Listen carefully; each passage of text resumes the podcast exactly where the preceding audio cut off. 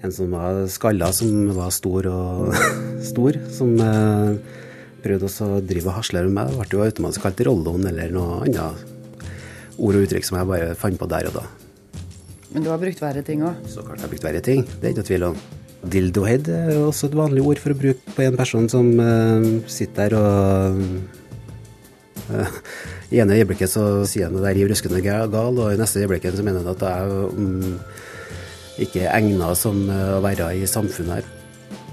Det er hans måte å prøve å trolle ned meg, så da får du svar tilbake. og greit. Hvis jeg bruker ordet dildohead eller bruker rolloen til han, så OK, da har jeg gjort det. Men om det er smart å gjøre det, det vet ikke jeg. Det var en gang vi trodde det var i skogen vi kunne møte troll. Men nå vet vi jo at trollene, de holder til på nettet. Der lusker de rundt og slenger meldinger. Og det er mange folk som vokter seg vel for å gå inn i et kommentarfelt. For der liker de seg, nettrollene. Kurer. Nettroll er de som går inn for å ødelegge debatten. Altså å opptre useriøst og provosere og kverulere og på et plan eh, kvele debatten. Karoline Ilebekk er forsker ved Institutt for medier og kommunikasjon ved Universitetet i Oslo. Man må skille mellom eh, det, altså nettrollene, og de som eh, har provoserende meninger. For de eh, kan jo selvsagt ha det samme motivet for å, for å, delta i offentlig debatt som alle andre. Man ønsker å påvirke og få meningene sine frem. Da har man jo et oppriktig ønske om å delta i den offentlige debatt. Men nettrollene de er, er der for å ødelegge. I Canada har universitetsforskere funnet ut at de som selv anser seg som nettroll, ja, de krysset faktisk selv av for at de er nettroll i undersøkelsen, de har flere narsissistiske, sadistiske og psykopatiske trekk enn andre. Selv om det utgjør en veldig liten prosentandel, så er det utrolig ressurskrevende. Det skal ikke så mange nettroll til før det plutselig tar veldig mye ressurser. Og det er et, eh, er eh, et stort problem. Ilebekk har skrevet doktoravhandling om spenningen som oppstår mellom folks ytringer på nett, og medienes kontroll med ytringene. Altså det er fordeler og ulemper med både å ha en veldig åpen nettdebatt og ha en veldig lukket nettdebatt. En åpen nettdebatt, da har man en lavere terskel for å delta. Man kan øke trafikken, man får et større mangfold. Eh, debattantene kan føle seg frie til å prøve ut forskjellige argumenter. Men så kan da selvsagt kvaliteten bli varierende. Hvis man har en eh, høyere grad av redaksjonell kontroll, så vil da terskelen for å ytre seg eh, bli høyere. Det kan jo føre til at færre deltar, altså man får mindre trafikk. Men det kan på andre siden også føre til at kvaliteten blir bedre. Så, så dette er på en måte et spenningsforhold som redaksjonene forholder seg til kontinuerlig, og de prøver ut forskjellige løsninger. At mediene vil ha bidrag fra folk, lyttere, seere, lesere, er ikke noe nytt. Det har jo alltid vært sånn at eh, publikum har blitt invitert med til å, å ytre seg i mediene. Eh, det har jo vært både som kilder, selvsagt, i, i journalistikken, og også som eh, debattanter i lesebrev og kronikker og sånne ting. Men de tradisjonelle mediene har en sterk portvaktfunksjon. Eh, for å kunne komme på trykk i papiravisen, så har eh, redaktøren eller en journalist eh, valgt ut innlegg.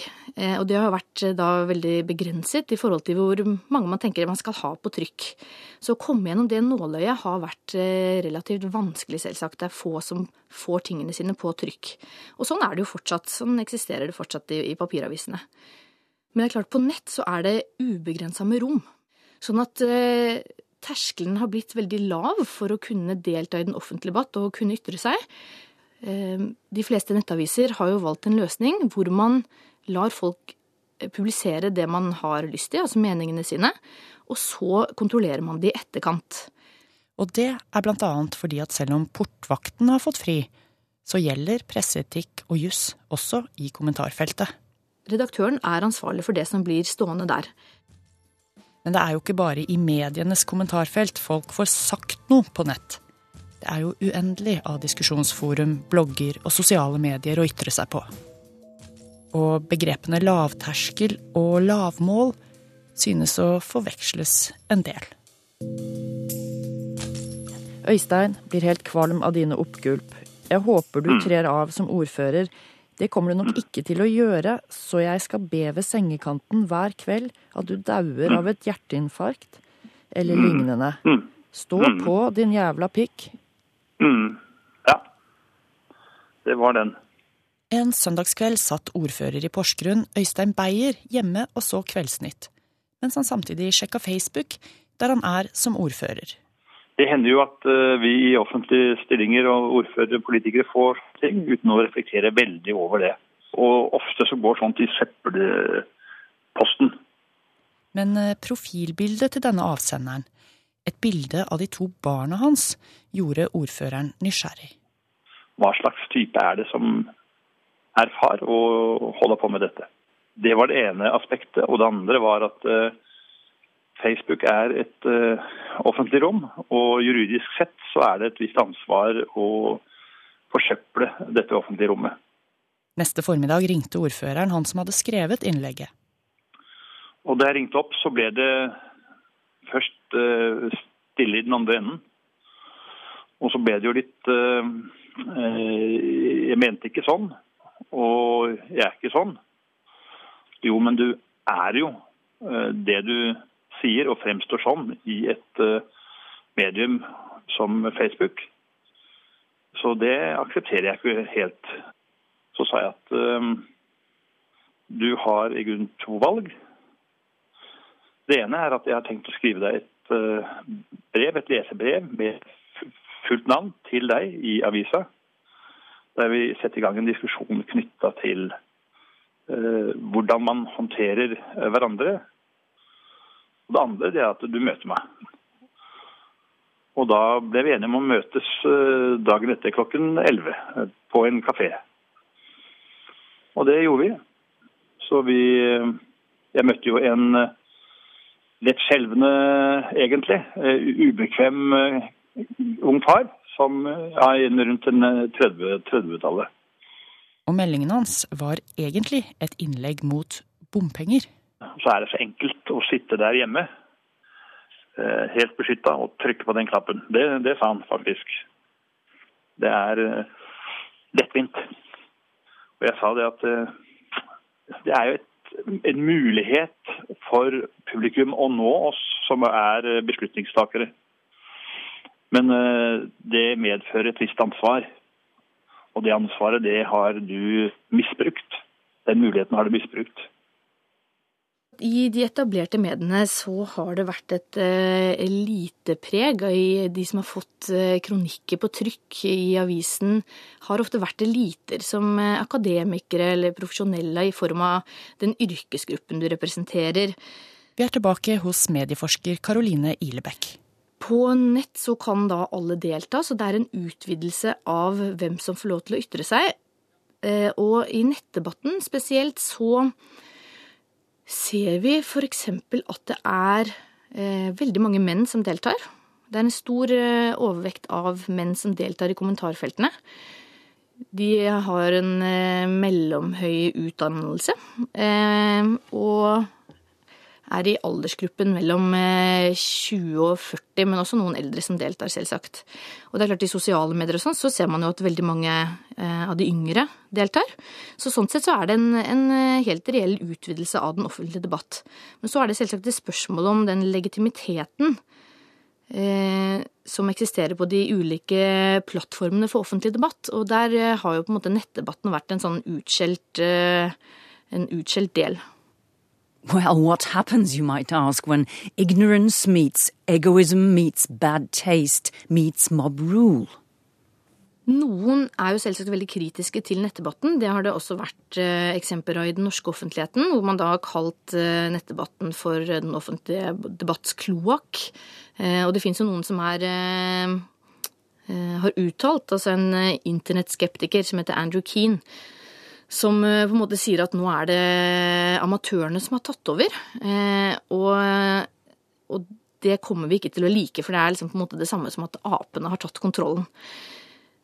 Det er klart at det er et veldig pessimistisk syn og et elitistisk syn, eh, og unyansert. For det er klart at nettebarten er så mangt. Og det er mange av kommentarfeltene som foregår helt fint, og hvor den offentlige debatt fungerer sånn som man ofte tenker at den ideelt skal gjøre. At argumenter blir møtt med motargumenter, at de er saklige, at man prøver å lære noe av hva de andre sier.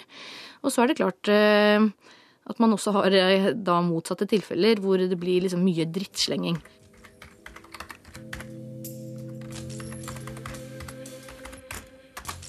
Ja, skal gå inn på min egen Facebook-konto. Dette er Rolf Erik Hansen, vaksinekritiker og tidligere homopat. Han har ligget i stadige, harde diskusjoner på nettet, bl.a. på Facebook. Så har vi tatt en egen side som vi har massevis av skjermdumper. Som eh, viser hvordan folk egentlig oppfører seg på nett. Hva er et nettroll, eh, som du oppfatter det? Nettroll det er rett og slett en person som eh, går inn og saboterer en diskusjon. Enten så bruker de en falsk profil, det er ganske vanlig. Eller de faktisk står frem med sitt eget navn også. Og, la, og begynner å gå mellom to personer og sende inn sånne spydige kommentarer som egentlig ikke har rot i virkeligheten. De har egentlig ingenting der å gjøre. Og de kan gå ofte til personangrep på en person som eh, Eh, sitter der og diskuterer helt intetane.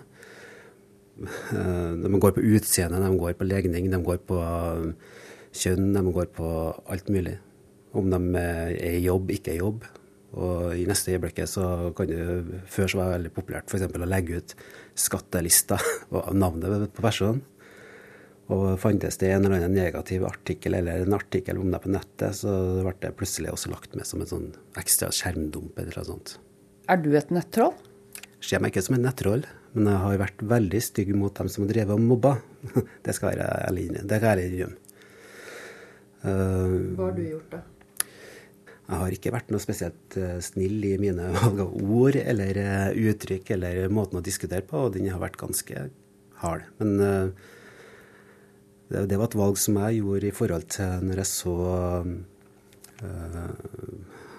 hvordan diskusjonene utarta seg på nettet. Når de gikk til personangrep på meg, så så jeg at OK, hva gjør jeg nå? da? Skal jeg gjøre det samme tilbake? Skal jeg bare gå ut av diskusjonen? Og akkurat i der og da så tenkte jeg egentlig ikke så veldig mye på det. Men jeg syntes at det var riktig å ta igjen. Nazihore, avskum, sugge, frityrinfisert fettberg, Hitlerjugend og pedofile. Er det ord du kjenner igjen? Ja, det kjenner jeg igjen. Hva gir det deg å, å bruke sånne ord? Gir meg egentlig ingenting. Annet enn at uh, han slenger kommentarer til meg, eller dem slenger kommentarer til meg, og jeg slenger kommentarer tilbake. Så det blir en sånn sandkastekrig, som jeg kaller det. Veldig barnslig. Hvorfor må språkbruken være sånn, da? Språkbruken er nok sånn som jeg har sagt tidligere, at det, det forplanter seg i diskusjonen. Det er, først begynner én part, så fortsetter du å svare tilbake med samme mynt. Og så har du så klart så hver, hver, aktør har jo også en, eh, en, person som støtter den saken. Og da blir det at det ofte hiver oss på. Så plutselig har vi massevis av voksne folk som står og diskuterer og kaster rett og slett dritt til hverandre. Uten at vi får noe, en fornøyelig diskusjon, eller at vi får en uh, saklig diskusjon. Og da faller hele uh, diskusjonen vekk i grus da, i forhold til at vi driver og troller til hverandre, eller driver og rakker ned på hverandre eller prøver å skjelle ut hverandre. At vanlige folk har større muligheter til å delta i samfunnsdebatten, har på den ene siden ført til håp om økt demokratisering og påvirkning, og kritikk om fragmentering, støy og trollskap på den andre siden. Også media åpnet så friskt for fri folkelig debatt på nett, forteller medieforsker Caroline Ilebekk. Når nettavisene begynte med kommentarfelt, så var det en eh, kjempedebatt både om eh, anonymitet eh, og hvorvidt redaksjonene burde forhåndsredigere eller etterhåndsmoderere innlegg. Og det man kunne se, eller det man har sett, er at de fleste nettaviser i en tidlig stadie ønsket en veldig lav terskel. Det var en slags internettoptimisme over det hele. Det vil også si at eh, de fleste lot debattantene være anonyme, og at man innførte etterhåndsmoderering heller enn forhåndskontroll. I tillegg så lot man eh, debatten være oppe hele tiden, eh, ofte over natten osv. Så sånn at folk kunne debattere akkurat når de ville. Og her ser vi at det har skjedd en endring. Nå har sentrale redaksjoner innført Facebook-login og krever at debattantene skal gjøre det med fullt navn.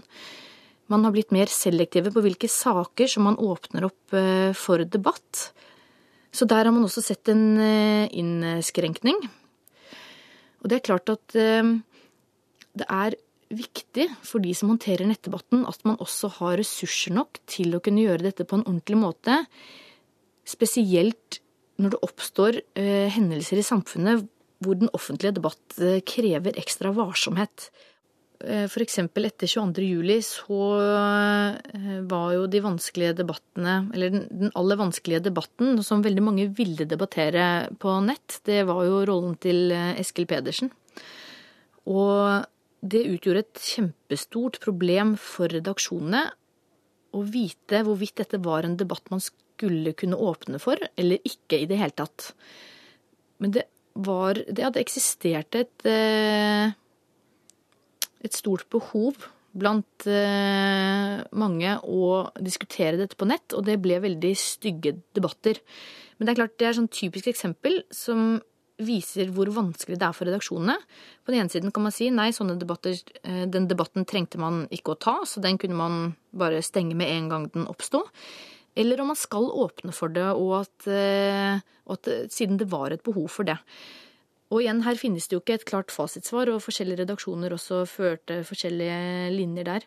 Men det å finne den riktige terskelen er utrolig vanskelig, fordi det er Det er på en måte en, uh, en kamp om hvor åpen man, nett, åpen man vil at den offentlige debatt skal være, og hva slags type ytringer som man skal tolerere eller ikke.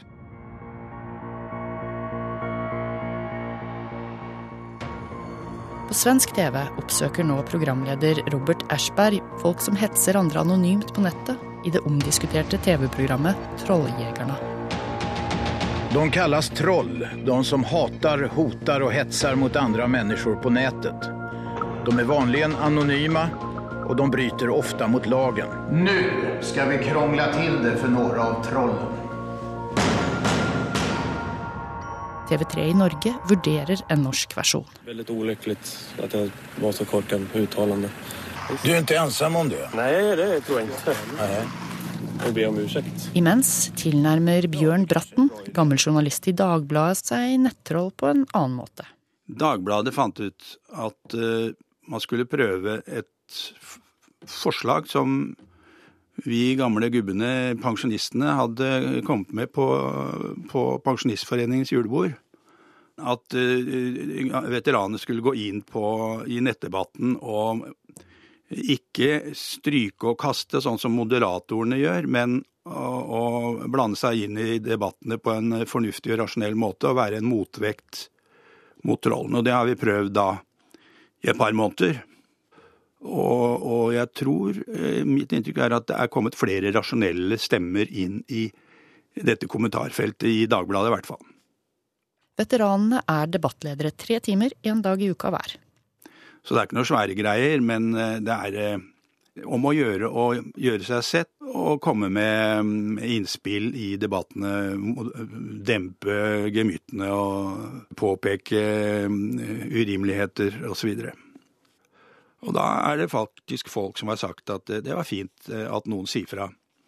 Det er jo ikke meningen at alle skal være enige, tvert imot, men, men alle skal føle det trygt å gå inn. Temperatur og nivå i debattene varierer ganske mye. Som eh, en av disse debattlederne sa, at det har vært stille denne uka, for det har ikke vært noen debatter om kvinner og muslimer, og da blir alt litt roligere på nettet. Og noen ganger møter han troll. De, de, sånn, de blir litt sånn stormannsgærne. De blir ruset av den makten de mener de har på nettet, og de, de hisser hverandre opp.